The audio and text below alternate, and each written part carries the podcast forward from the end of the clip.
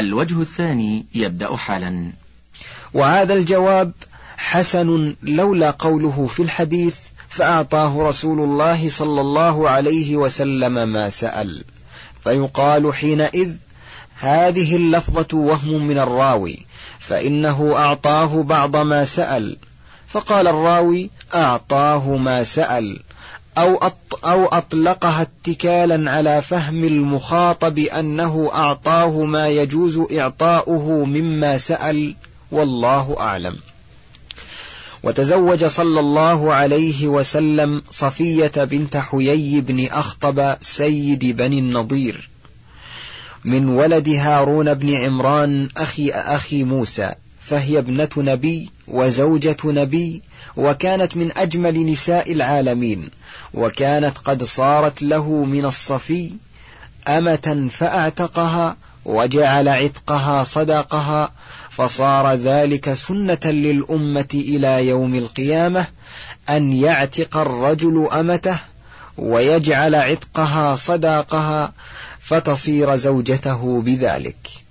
فإذا قال أعتقت أمتي وجعلت عتقها صداقها أو قال جعلت عتق أمتي صداقها صح العتق والنكاح وصارت زوجته من غير احتياج إلى تجديد عقد ولا ولي وهو ظاهر مذهب أحمد وكثير من أهل الحديث. وقال الطائفة هذا خاص بالنبي صلى الله عليه وسلم وهو مما خصه الله به في النكاح دون الأمة. وهذا قول الأئمة الثلاثة ومن وافقهم. والصحيح القول الأول لأن الأصل عدم الاختصاص حتى يقوم عليه دليل. والله سبحانه لما خصه بنكاح الموهوبة له قال فيها خالصة لك من دون المؤمنين ولم يقل هذا في المعتقة.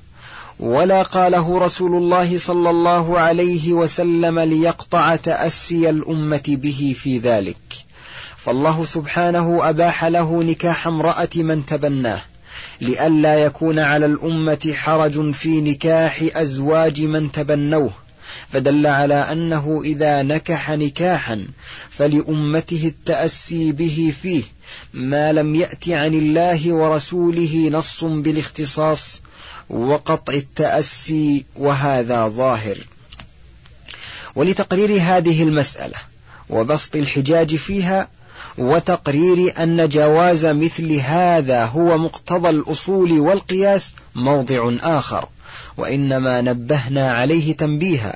ثم تزوج ميمونة بنت الحارث الهلالية وهي آخر من تزوج بها. تزوجها بمكة في عمرة القضاء بعد أن حل منها على الصحيح وقيل قبل إحلاله. هذا قول ابن عباس. ووهم رضي الله عنه فإن السفير بينهما بالنكاح أعلم الخلق بالقصة وهو أبو رافع.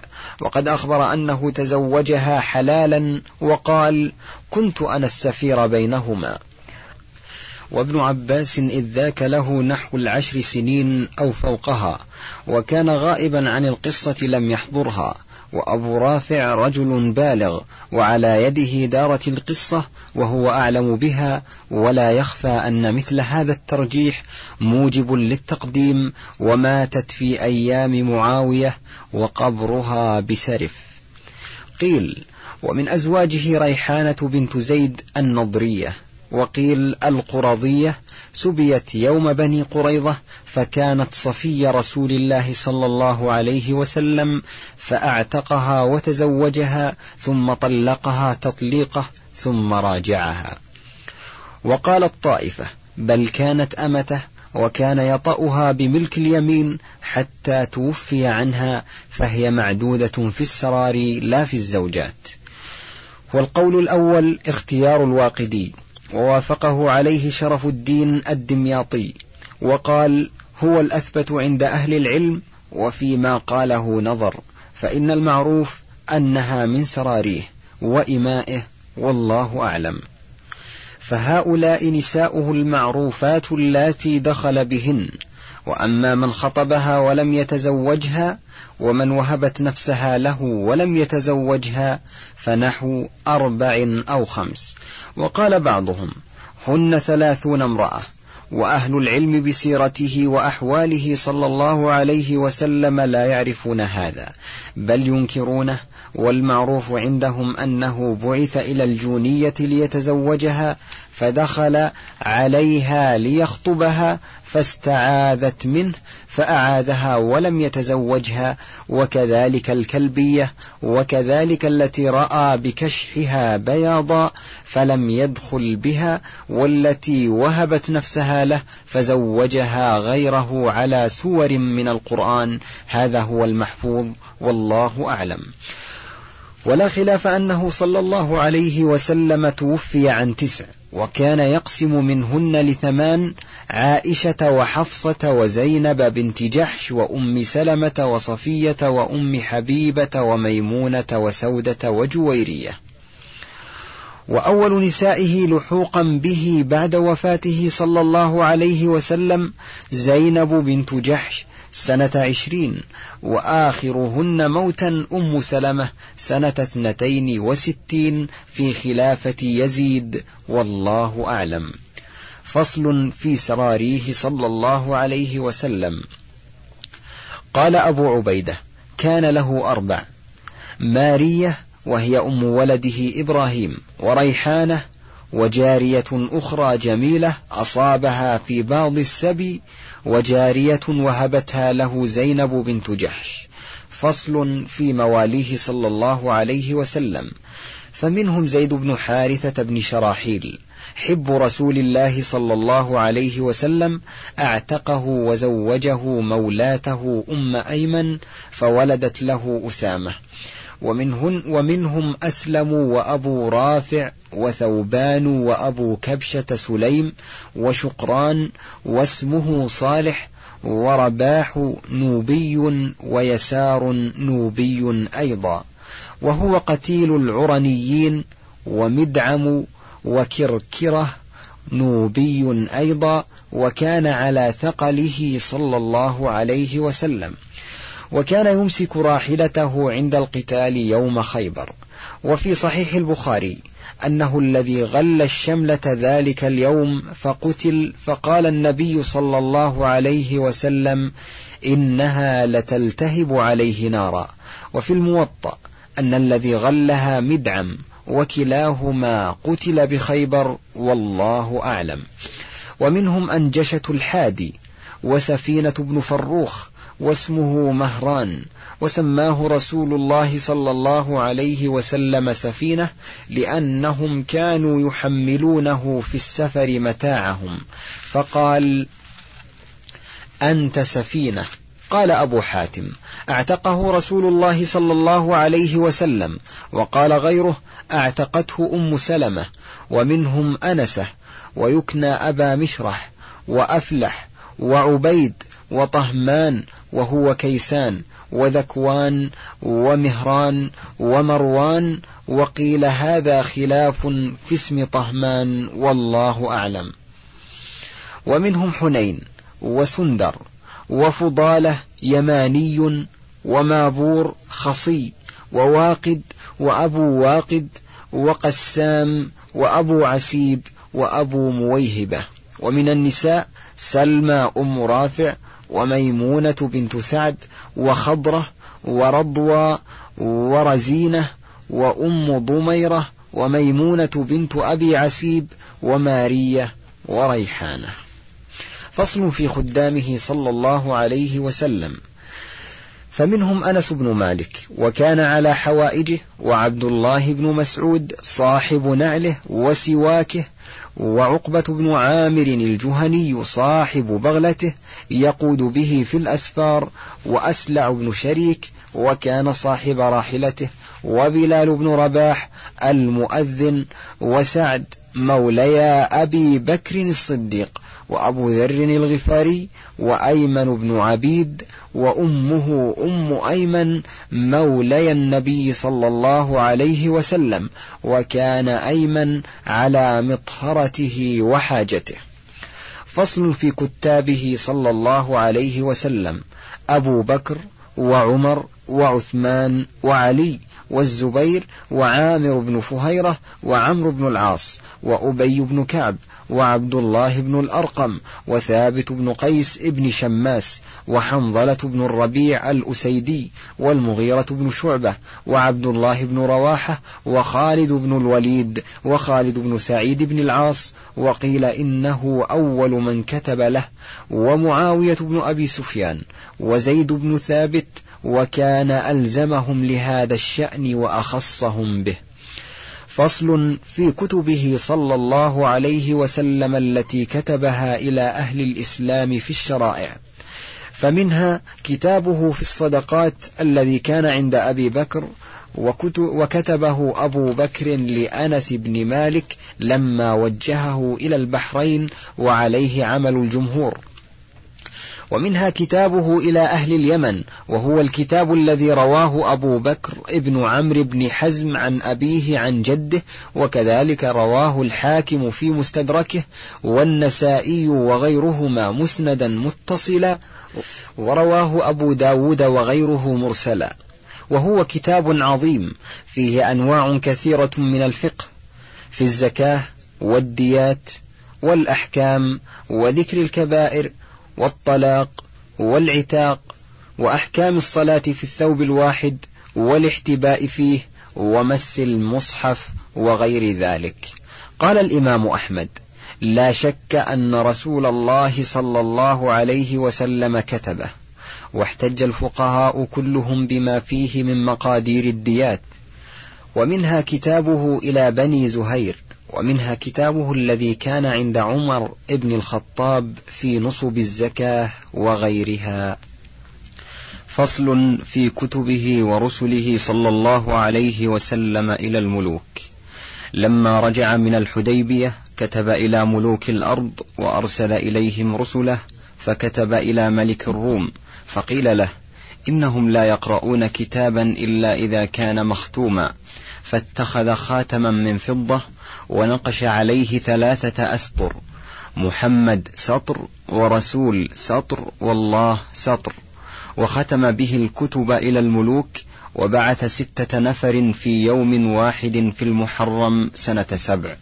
فأولهم عمرو بن أمية الضمري. بعثه إلى النجاشي واسمه أصحمة بن أبجر. وتفسير أصحمة بالعربية عطية. فعظم كتاب النبي صلى الله عليه وسلم ثم أسلم وشهد شهادة الحق وكان من أعلم الناس بالإنجيل وصلى عليه النبي صلى الله عليه وسلم يوم مات بالمدينة وهو بالحبشة. هكذا قال جماعة منهم الواقدي وغيره. وليس كما قال هؤلاء فإن أصحمة النجاشي الذي صلى عليه رسول الله صلى الله عليه وسلم ليس هو الذي كتب إليه. هذا الثاني لا يعرف إسلامه. بخلاف الأول فإنه مات مسلما.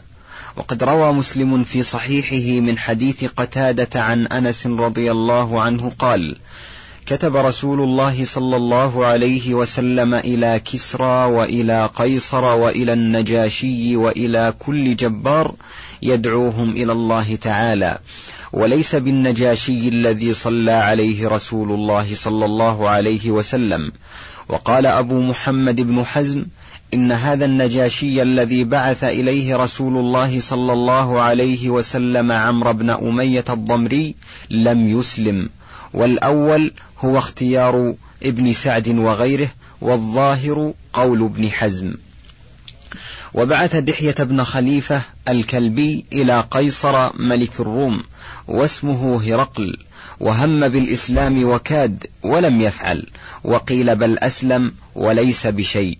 وقد روى أبو حاتم ابن حبان في صحيحه عن أنس بن مالك قال قال رسول الله صلى الله عليه وسلم من ينطلق بصحيفتي هذه إلى قيصر وله الجنة. فقال رجل من القوم وإن لم يقبل؟ قال وإن لم يقبل. فوافق قيصر وهو يأتي بيت المقدس قد جعل, قد جعل عليه بساط لا يمشي عليه غيره فرمى بالكتاب على البساط وتنحى. فلما انتهى قيصر إلى الكتاب أخذه فنادى قيصر من صاحب الكتاب فهو آمن. فجاء الرجل فقال أنا. قال فإذا قدمت فأتني. فلما قدم أتاه فأمر قيصر بأبواب قصره فغلقت. ثم أمر مناديا ينادي ألا إن قيصر قد اتبع محمدا وترك النصرانية؟ فأقبل جنده وقد, سح وقد تسلحوا حتى أطافوا به. فقال لرسول الله فقال لرسول رسول الله صلى الله عليه وسلم قد ترى أني خائف على مملكتي ثم أمر مناديه فنادى ألا إن قيصر قد رضي عنكم وإنما اختبركم لينظر كيف صبركم على دينكم. فارجعوا فانصرفوا. وكتب إلى رسول الله صلى الله عليه وسلم إني مسلم.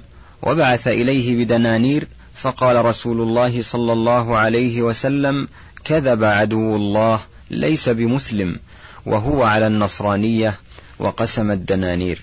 وبعث عبد الله بن حذافة السهمي إلى كسرى واسمه أبريوز ابن هرمز ابن أنشروان فمزق كتاب النبي صلى الله عليه وسلم. فقال النبي صلى الله عليه وسلم اللهم مزق ملكه فمزق الله ملكه وملك قومه. وبعث حاطب بن أبي بلتعة إلى المقوقس واسمه جريج ابن ميناء ملك ملك الإسكندرية عظيم القبط فقال خيرا وقارب الأمر ولم يسلم.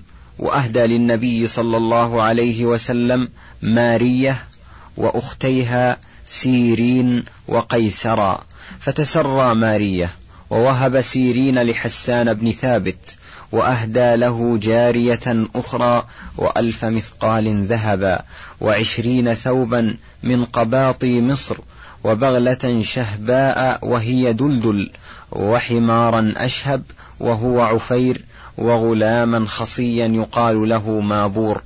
وقيل هو ابن عم مارية. وفرسا وهو اللزاز. وقدحا من زجاج وعسلا. فقال النبي صلى الله عليه وسلم ظن الخبيث بملكه ولا بقاء لملكه. وبعث شجاع بن وهب الأسدي إلى الحارث بن أبي شمر الغساني ملك البلقاء قاله ابن إسحاق والواقدي. قيل إنما توجه لجبلة بن الأيهم وقيل توجه لهما معا وقيل توجه لهرقل مع دحية بن خليفة والله أعلم. وبعث سليط بن عمرو إلى هوذة بن علي الحنفي باليمامة فأكرمه. وقيل بعثه إلى هوذة وإلى ثمامة بن أثال الحنفي فلم يسلم هوذة وأسلم ثمامة بعد ذلك فهؤلاء الستة قيل هم الذين بعثهم رسول الله صلى الله عليه وسلم في يوم واحد. وبعث عمرو بن العاص في ذي القعدة سنة ثمان إلى جيفر وعبد الله ابني الجلندي الأزديين بعمان فأسلما وصدقا وخليا بين عمرو وبين الصدقة والحكم فيما بينهم فلم يزل فيما بينهم حتى بلغته وفاة رسول الله صلى الله عليه وسلم. وبعث العلاء بن الحضرمي إلى المنذر بن ساوى العبدي ملك البحرين قبل منصرفه من الجعرانة وقيل قبل الفتح فأسلم وصدق. وبعث المهاجر بن أبي أمية المخزومي إلى الحارث بن عبد كلال الحميري باليمن فقال سأنظر في أمري.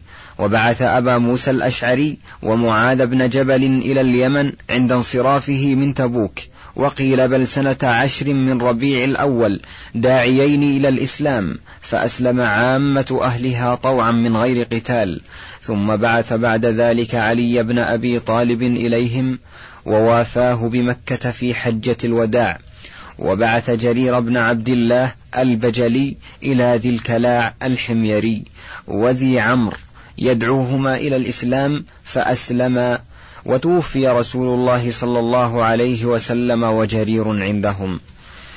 وبعث عمرو بن أمية الضمري إلى مسيلمة الكذاب بكتاب وكتب إليه بكتاب آخر مع السائب, مع السائب بن العوام أخي الزبير فلم يسلم. وبعث إلى فروة بن عمرو الجذامي يدعوه إلى الإسلام وقيل لم يبعث إليه وكان فروة عاملا لقيصر بمعان فأسلم وكتب إلى النبي صلى الله عليه وسلم بإسلامه وبعث إليه هدية مع مسعود بن سعد وهي بغلة شهباء يقال لها فضة وفرس يقال له الضرب وحمار يقال له يعفور. كذا قاله جماعة والظاهر والله أعلم أن عفيرا ويعفور واحد. عفير تصغير يعفور تصغير الترخيم.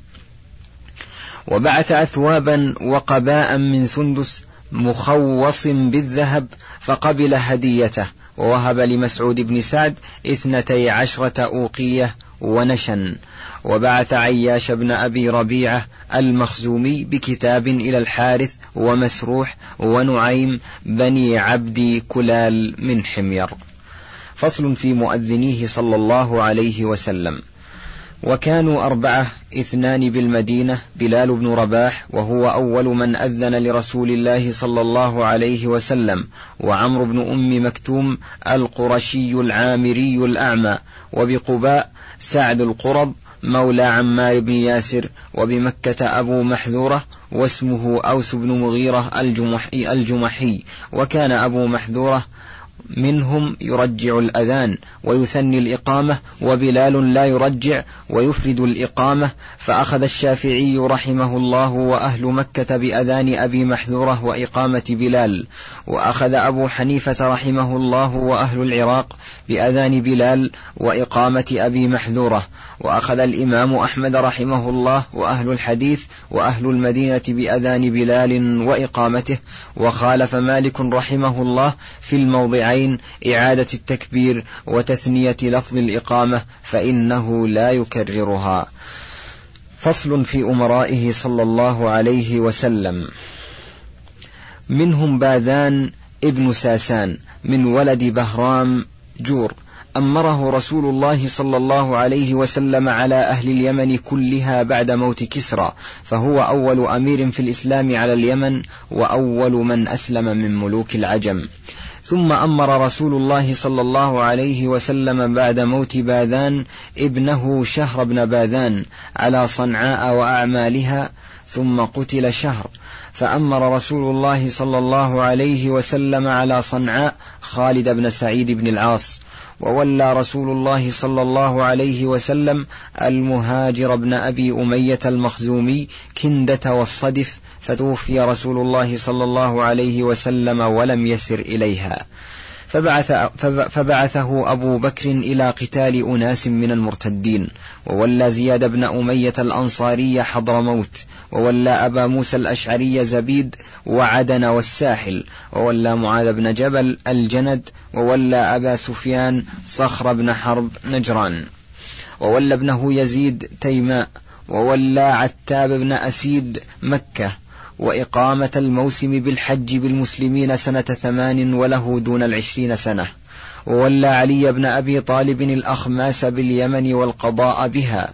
وولى عمرو بن العاص عمان وأعمالها. وولى الصدقات جماعة كثيرة لأنه كان لكل قبيلة وال يقبض صدقاتها فمن هنا كثر عمال الصدقات. وولى أبا بكر إقامة الحج سنة تسع وبعث في أثره عليا يقرأ على الناس سورة براءة. فقيل لأن أولها نزل بعد خروج أبي بكر إلى الحج وقيل بل لأن عادة العرب كانت أنه لا يحل لا يحل العقود ويعقدها إلا المطاع أو رجل من أهل بيته وقيل أردفه به عونا له ومساعدا. ولهذا قال له الصديق أمير أو مأمور؟ قال بل مأمور. وأما أعداء الله الرافضة فيقولون عزله بعلي وليس هذا ببدع من بهتهم وافترائهم. واختلف الناس هل كانت هذه الحجة قد وقعت في شهر ذي الحجة أو كانت في ذي القعدة من, من أجل النسيء على قولين والله أعلم. فصل في حرسه صلى الله عليه وسلم. فمنهم سعد بن معاذ حرسه يوم بدر حين نام في العريش ومحمد بن مسلمة حرسه يوم أحد والزبير بن العوام حرسه يوم الخندق. ومنهم عباد بن بشر وهو الذي كان على حرسه وحرسه جماعة آخرون غير هؤلاء فلما نزل قوله تعالى والله يعصمك من الناس خرج على الناس فأخبرهم بها وصرف الحرس. فصل في من كان يضرب الأعناق بين يديه صلى الله عليه وسلم. علي بن أبي طالب والزبير بن العوام والمقداد بن عمرو ومحمد بن مسلمة وعاصم بن ثابت بن أبي الأقلح والضحاك بن سفيان الكلابي. وكان قيس بن سعد ابن عبادة الأنصاري منه صلى الله عليه وسلم بمنزلة صاحب الشرطة من الأمير. ووقف المغيرة بن شعبة على رأسه بالسيف يوم الحديبية. فصل في من كان على نفقاته وخاتمه ونعله وسواكه ومن كان يأذن عليه. كان بلال على نفقاته ومعيقيب بن أبي فاطمة الدوسي على خاتمه وابن مسعود على سواكه ونعله وأذن عليه رباح الأسود وأنسة مولياه وأنس بن مالك وأبو موسى الأشعري. فصل في شعرائه وخطبائه صلى الله عليه وسلم. كان من شعرائه الذين يذبون عن الإسلام كعب بن مالك وعبد الله بن رواحة وحسان بن ثابت وكان أشدهم على الكفار حسان بن ثابت وكعب بن مالك يعيرهم بالكفر والشرك وكان خطيبه ثابت بن قيس وكان خطيبه ثابت بن قيس بن ابن شماس. فصل في حداته الذين كانوا يحدون بين يديه صلى الله عليه وسلم في السفر.